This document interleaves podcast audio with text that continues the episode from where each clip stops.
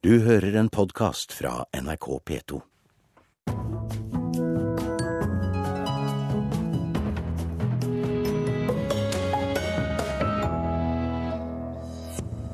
De rød-grønne når målet om 1% til kultur over statsbudsjettet. Ikke om å gjøre å bevilge flest mulig offentlige kroner, mener Høyre. Besøksrekord for jubileumsutstillingen Munch 150. En halv million mennesker har sett utstillingen. Og kineserne skal nå få lære om Edvard Grieg på kinesisk.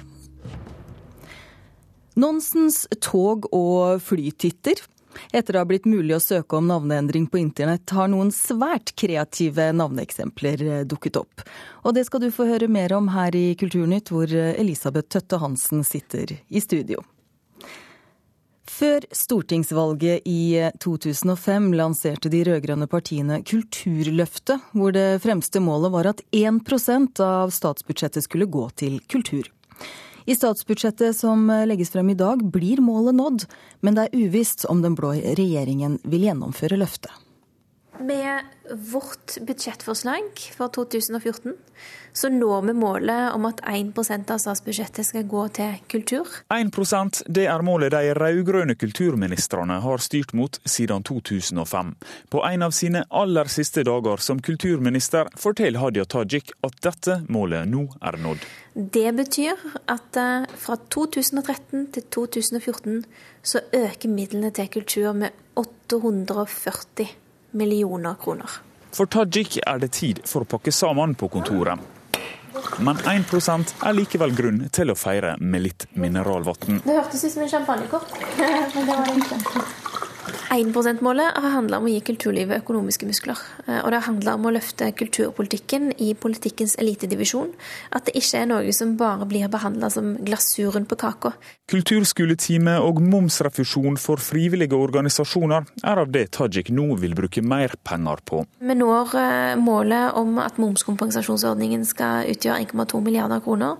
Det berører nesten 16 000 lag og organisasjoner over hele landet som driver frivillig aktivitet. Det er det pakke ned. Pakke ned kontor, for vi skal flytte. På Stortinget er også Linda Hofstad Helleland, Høyre sin kulturpolitiske talsperson, nå i ferd med å flytte ut av kontoret sitt, og inn i et nytt, enten på Stortinget eller som medlem av regjeringa. Eh, ja, vi får se. Jeg vet ingenting som jeg, som jeg kan fortelle deg. Selv om Høyre har støtta opp om mer penger til kulturen, er ikke 1% noe mål i seg sjøl, mener Helleland. Vi syns jo det har vært bra, og Høyre har jo vært med og støtta det nå i flere år. ikke sant? Og stått eh, sammen med regjeringa om Kulturløftet. Men det vi ser, er jo at eh, rekordøkning i kulturbudsjettet gir jo ikke flere brukere til kulturen. Nå vil den nye regjeringa jobbe knallhardt for å gi mer blåfarge på kulturbudsjettet for neste år. Men det er grenser for hva slags endringer de kan få gjort med budsjettet som blir lagt fram i dag. Eh, blå politikk, det, det, ønsker vi å få nå gjennomført så fort som mulig. Det er jo ganske begrensa hva man får til på noen eh, dager. Jeg regner med at den nye regjeringa kommer til å jobbe dag og natt eh, noen uker framover til at de får lagt frem et nytt budsjett med litt mer blåfarge på. Men hva slags endringer den nye regjeringa vil arbeide for, vil Helleland ikke svare på. Det skjønner jeg du vil at jeg skal svare på, men det, det vil ikke jeg. Fordi jeg vil ikke legge føringer for eh, den kommende kulturministeren. Det er den til enhver tid sittende kulturminister som vil bestemme kulturpolitikken. Eh, og jeg må bare leve med at de kommer til å ta en del andre valg enn det jeg og denne regjeringen ville gjort. Eh, og så kommer de forhåpentligvis òg til å gjøre en del ting som er viktig for kulturlivet, som er felles politisk gods. Det sa avtroppende kulturminister Haja Tajik til eh, reporter Sondre Bjørdal. Og kulturkommentator i NRK Agnes Moxnes, hvor viktig har det vært for de rød-grønne å nå dette målet om 1 eh, til kultur? Det har vært eh, veldig viktig, for det har vært et veldig konkret eh, mål som har vært der helt siden den rød-grønne regjeringen startet i 2005. 1% til, av statsbudsjettet til kultur. Hvis de ikke hadde lyktes, så hadde det blitt lagt merke til. De har lykkes, og det er vel en av grunnene til at det er en av de få områder hvor de tre partilederne i den rød-grønne regjeringen sto samlet i denne valgkampen. Selve det politiske prosjektet, da, hvordan tror du det vil bli husket?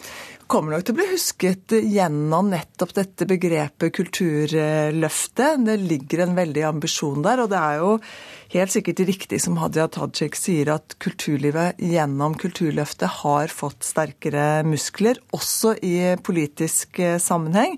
Så jeg tror at det kommer til å bli en ganske utfordrende eh, jobb å drive kulturpolitikk for den blå regjeringen. I alle fall hvis de ønsker å bety noe annet. Ja, for Hvordan vil deres, altså de blås kulturpolitikk skille seg fra de rød-grønnes, da? Vi vet jo en del om det. Vi vet at det kommer til å bli mer debatt om NRK i årene som kommer. Det samme gjelder pressestøtten og hvilke begrensninger det skal være f.eks. når det gjelder medieeierskap. Bokloven kommer til å bli skrotet. Og så er det jo veldig viktig for den påtroppende regjeringen at eh, det ikke lenger skal være politiske føringer overfor kunstnere og kulturinstitusjoner om hvordan de skal bruke pengene sine. Det har vært et uttalt mål for den rød-grønne regjeringen at eh, kulturpenger eh, skal, eller penger fra staten, skal brukes til å løfte f.eks. stemmerettsjubileer, integrering, mangfold osv. osv. Så hørte vi jo samtidig her da at eh, Linda Hofstad Helleland sier at mer penger til kulturen ikke nødvendigvis gir flere brukere av kultur. Altså hvor havner vi da? Nei, altså Det har jo vært eh, en av de tingene som har vært litt vanskelig for eh, den rød-grønne regjeringen. Det er jo at dette at du har puttet såpass mye mer penger inn i kulturlivet at det ikke har ført til mye større bruk av At, at ikke flere har benyttet seg av det. Men så får vi se da om den regjeringen som kommer nå, klarer å få til det. For det er helt opplagt en, en måte, og en ganske god måte også, å vurdere kvaliteten på eh, kulturpolitikken på. Ja, for Høyre de har jo stemt eh, for å, å gi mer penger til kulturen, på en, men på den annen side så sier jo erklæringen fra Sundvolden at mer private penger på sikt kan redusere avhengigheten av offentlig finansiering. Hva tror du vil skje med de økonomiske rammene fremover da? Altså det vi vet er at de ikke ønsker å tallfeste at 1% av statsbudsjettet skal gå til eh, kultur. De har et annet mål, og det er altså at eh, staten i, mindre grad eh, er, er alene om å gi eh, kulturlivet den, disse musklene da, som Hadia Tajik, altså økonomiske musklene som Hadia Tajik eh, snakket om, eh, om, her. Sånn at eh, det er jo også en av de, på et, et av de områdene hvor den eh, påtroppende regjeringen kommer til å bli målt, og se om de klarer å få til det. En aller siste ting da. Linda Hofstad Helleland, som vi hørte i saken, hun blir nevnt som en mulig kandidat til kulturministerposten. Hva mener du om det? Altså, det vi vet, det er at etter all sannsynlighet så kommer Høyre til å få kulturministerposten. Hvem eh, er usikkert, og det er vel også usikkert om det er eh, Linda Hofstad Helleland som får den jobben. Det som er mer sikkert, sikkert, er at den blå kulturpolitikken ut fra regjeringens plattform, som de la frem her, at den er ganske ullen. De opererer med begrep som frihetsreform, maktspredning. Sånn at det er mye legges i fanget på den kulturministeren som skal ta sete i løpet av den uka som kommer nå. Eh, og, og vi vet at eh, vedkommende kommer til å møte et ganske skeptisk kulturliv. Det får vi vite i løpet av uka, altså. Hvem som blir kulturminister. Takk skal du ha, kulturkommentator i NRK, Agnes Moxnes.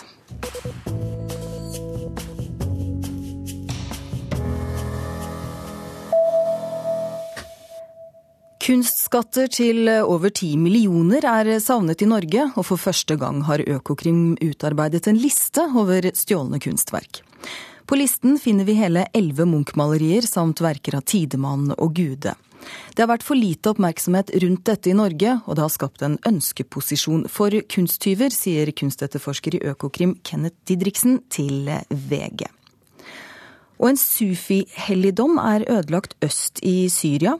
Natt til søndag skal en militant gruppe ha detonert eksplosiver ved helligdommen, som ble redusert til en steinhaug. Aktivister i området mistenker at eh, islamister med tilknytning til Al Qaida står bak. Helligdommen over sjeik Assa Abdelkader al-Rafia lå i byen Busaira, som er kontrollert av eh,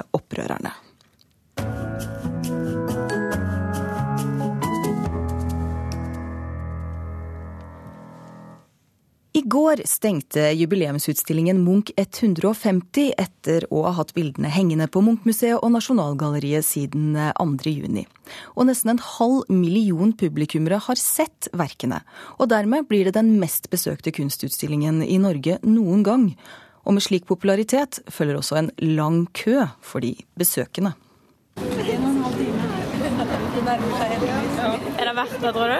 Ja, det tror jeg. Utenfor Nasjonalgalleriet i går var køen av de siste Munch-hungrige som vil få sett utstillinga Munch 150 lang. Ned trappa, oppover veien og rundt halve museumsbygget. Vi har bare stått en halvtime. Ja, og da begynte vi bak midt på. Helt bakerst var ikke alle helt sikre på om tålmodet ville holde. Vi vurderer å gå. Fordi det er så lang kø, så vet vi ikke hvor lang tid det tar før vi er inne. Og kø har det vært mye av siden jubileumsutstillinga åpna 2.6. 220 Munch-verk fordelte på Nasjonalgalleriet og Munch-museet, og dermed den største Munch-utstillinga vi har hatt. Og med nesten en halv million besøkende er det trolig den best besøkte kunstutstillinga i Norge noensinne. Det er jo helt eksepsjonelt dette. Altså, den forrige rekorden her i Nasjonalgalleriet var i 97 med Goya-utstillingen. Da var det 105 000 besøkende. Så det er, eh, slår alle rekorder. Jeg tror faktisk at vi tangerer eh, utstillingen 'Det moderne øyet' Paris, som hadde 488 000 besøkende. Sier prosjektleder Elsebeth Kjerskov i sitt favorittrom i utstillinga. Med mørke vegger og Munch sine sommerkvelder lyset av spotter på veggene. Dette rommet her eh, blir det nesten sånn sakral stemning. Jeg tror mange opplever at dette er kanskje det fineste rommet. De siste to ukene har åpningstidene vært utvida, men Kjerskov kunne tenke seg å la billetter henge enda litt lenger. Det er trist, så det er vemodig med bildene må tilbake. De er skrevet kontrakter med et begrenset lånetid, og bildene skal videre på andre utstillinger. Så dessverre, vi kan ikke utsette og utvide låneperioden. Og framfor billettrammene er folk glad de holdt ut i køen. Det var vel verdt det. En time i kø var det helt greit. Kanskje vi drar til Munch-museet også nå etterpå, men vi får se. Når vi orker en kø til. Måtte inn en tur fra Drammen for å få med flotte utstillingen her, selvfølgelig. Hva syns du?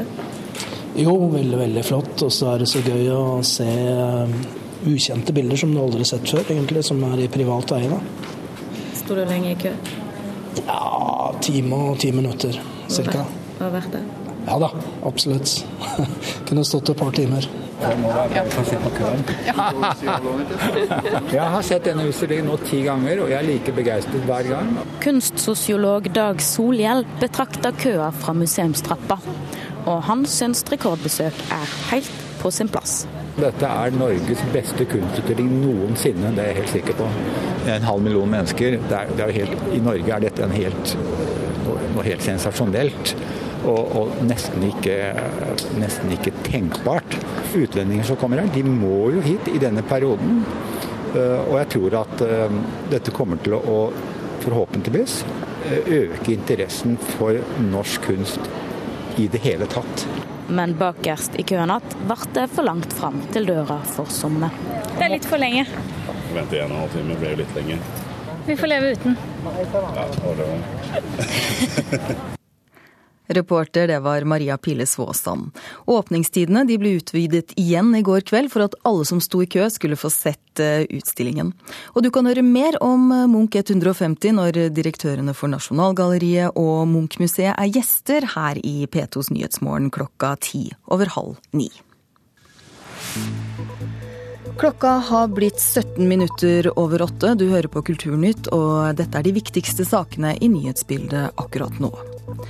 Den nye regjeringen kan bruke mange milliarder kroner ekstra neste år, mener økonomer. Og krisesentrene frykter for livet og helsa til voldsutsatte kvinner med en borgerlig regjering. Nå skal vi til Kina. For eh, der skal det da dreie seg om norsk kultur og komponisten Edvard Griegs verker, som eh, nok er kjent over hele kloden, men allikevel så er det få som vet hvem som står bak musikken og hvilket land han kommer fra. Nå skal imidlertid kineserne få anledning til å lære mer om Grieg på sitt eget språk.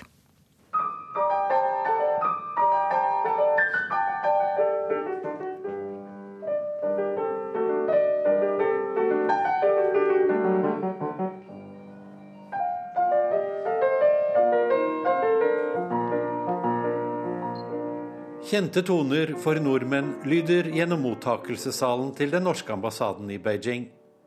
Men det er den kinesiske pianisten Mei Yupang fra Kinas sentrale musikkonservatorium som trakterer tangentene og tryller fram Edvard Griegs 'Halling' foran et publikum av flest kinesere. Anledningen er konservatoriets nye bokutgivelse, en oversettelse av Erling Dahls bok 'Edvard Grieg', en introduksjon til hans liv og musikk.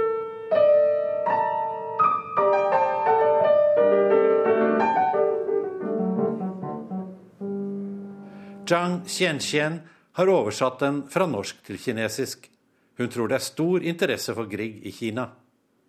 Ja, det tror jeg absolutt. Fordi at eh, jeg husker at for eh, ca. ti år siden så var jeg på Beijing eh, sentralstasjon.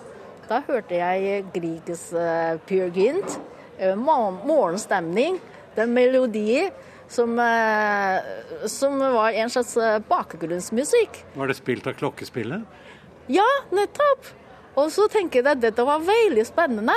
Og eh, eh, også den musikken, faktisk, er ikke ukjent for kinesere. Så mange kinesere kjenner til Griegs musikk? Ja, det vil jeg si. Men de vet fortsatt nå de vet ikke hvem komponisten er.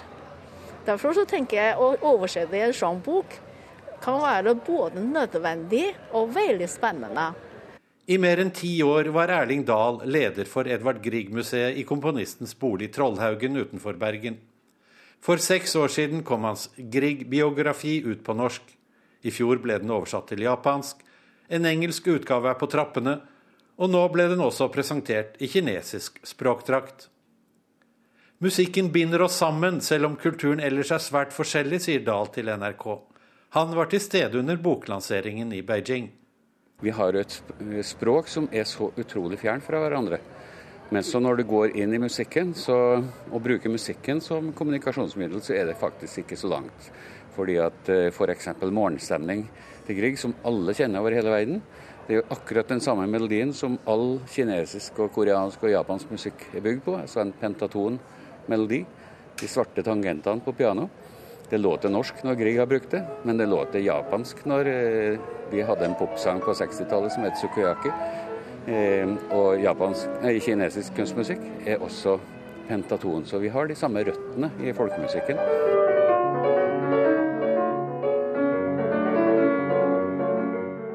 Oversetter Zhang Qianqian har lært seg norsk i Norge.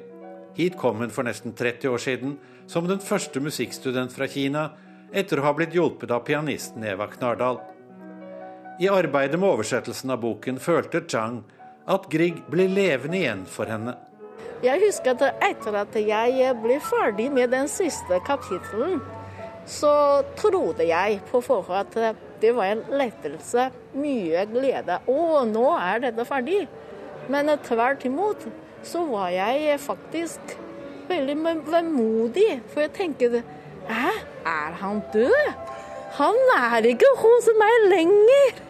Fordi at eh, gjennom den prosessen, prosessen så kom han bare nærmere, nærmere meg.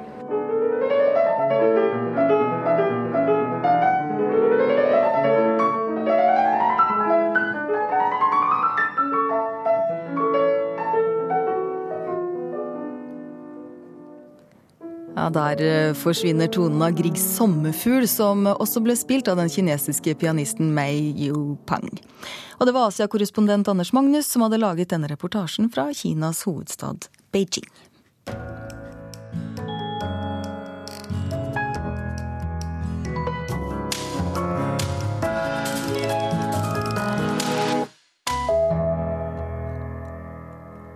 Dag Solstads eh, nye roman 'Det uoppløselige episke element i Telemark' i perioden 1591 til 1896 ønsker å bryte med den tradisjonelle historiske romanen. Det skaper problemer for både forfatter og leser, mener Leif eh, Ekle. Til hyllingen av den nye kongen, den pur unge Christian Kvart på Akershus festning i 1591, kom det også en bondedelegasjon fra Telemark. De ble husket senere fordi de kom likt kledd, i grå ullklær med kniv i beltet og med rød lue på hodet.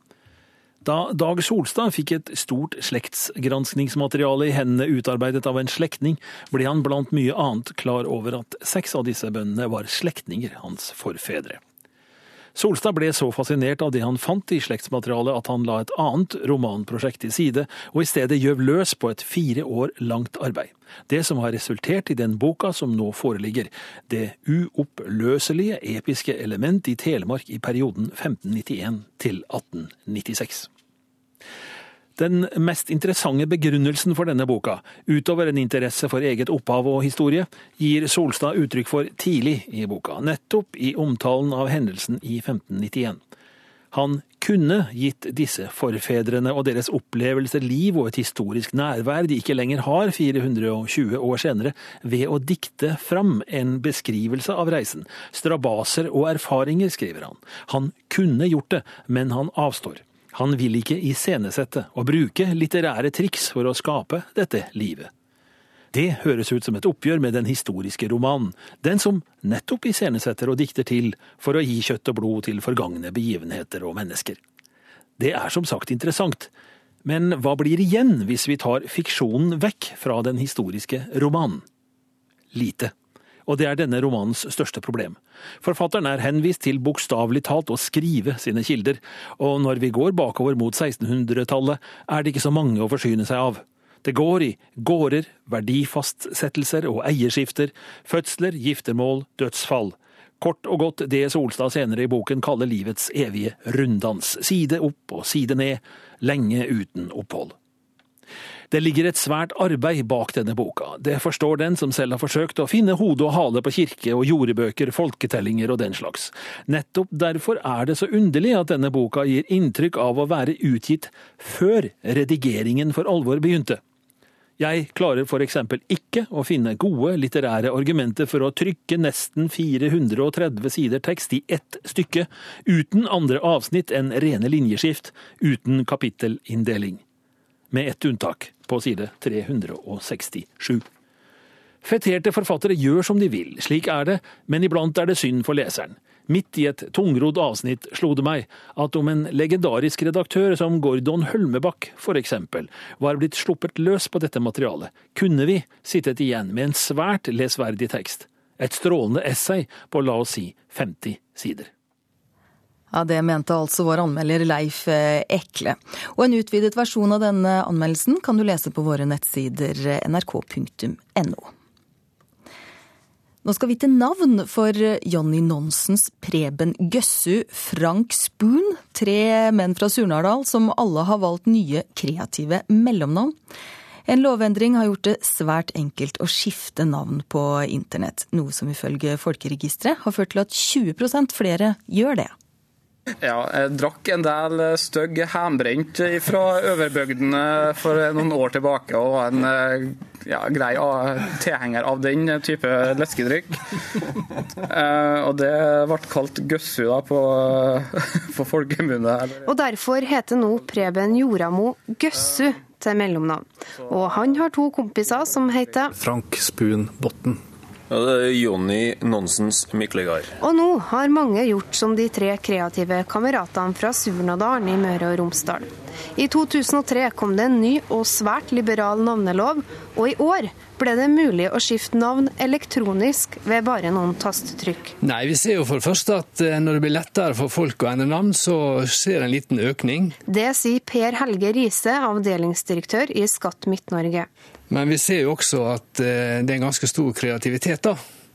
og at eh, vi får inn eh, mange forskjellige forslag på nye navn. På landsbasis har tallet økt med 20% sammenligna med samme periode i fjor. Og hittil i år har 38 000 skifta for-, mellom- eller etternavn, og noen er svært kreative.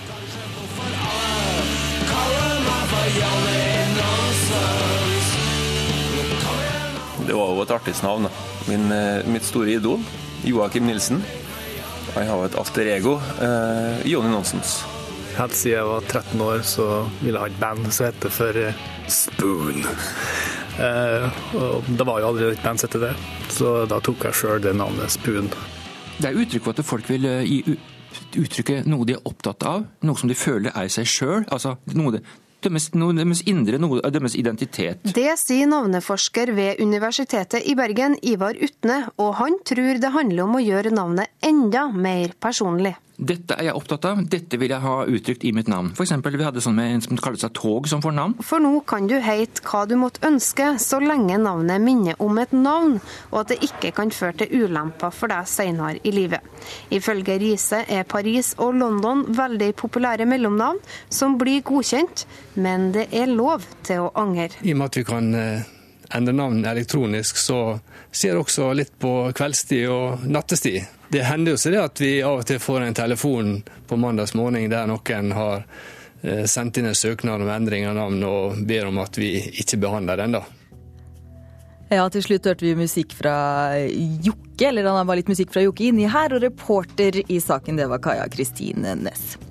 Kulturnytt er slutt for denne gang. Produsent Ina Strøm. Tekniker heter Beate Haugtrø, og programleder var Elisabeth Tøtte Hansen.